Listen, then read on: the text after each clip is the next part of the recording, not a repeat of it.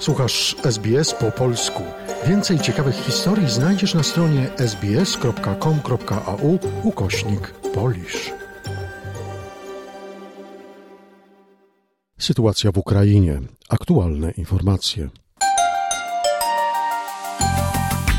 Satelita zarejestrował pożar w pobliżu zaporowskiej elektrowni atomowej, informuje Radio Swoboda. Informację podała także rosyjska agencja RIA Nowosti. Według ukraińskich mediów ogień dostrzeżono w pobliżu elektrowni, ale nie na jej terenie.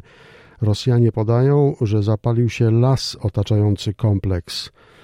Tymczasem prezydent Wołodymyr Zełęński w tradycyjnym wystąpieniu przypomniał wczoraj, że po raz pierwszy w historii zatrzymała się zaporowska elektrownia atomowa. Zabezpieczenia awaryjne bloków zadziałały po tym, jak ostatnia działająca linia łącząca zakład z ukraińskim systemem energetycznym została uszkodzona przez rosyjski ostrzał.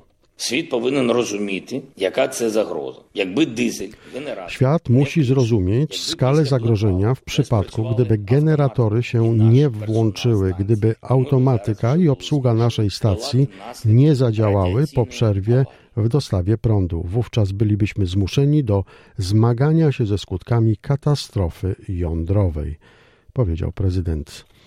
Stany Zjednoczone wzywają Rosję do całkowitego wycofania wojsk z rejonu elektrowni atomowej w Enerhodarze. Zastępczyni sekretarza stanu USA Bonnie Denise Jenkin zaapelowała do Rosji, aby całkowicie wycofała wojska z rejonu zaporowskiego. Rosja powinna natychmiast wstrzymać operacje wojskowe wokół elektrowni i pozwolić ukraińskiemu personelowi pracować bez presji rosyjskich wojsk. Szef Międzynarodowej Agencji Energii Atomowej powiedział wczoraj francuskiej telewizji France 24, że misja ekspertów ONZ może dotrzeć na miejsce w najbliższych dniach. Od początku agresji Rosjanie zniszczyli na Ukrainie 127 placówek medycznych, a 927 uszkodzili. Od początku wojny ukraińskim placówkom dostarczono 140 tysięcy sztuk sprzętu medycznego. Ukraińskie Ministerstwo Zdrowia w miarę możliwości utrzymuje kontakt ze szpitalami na terenach okupowanych przez Rosję. Rejestruje również przypadki grabieży sprzętu medycznego i wywózki go do Federacji Rosyjskiej.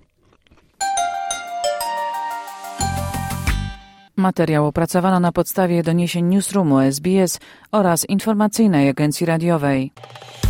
Polub nas na Facebooku, udostępnij innym, bądź z nami na polskim Facebooku SBS.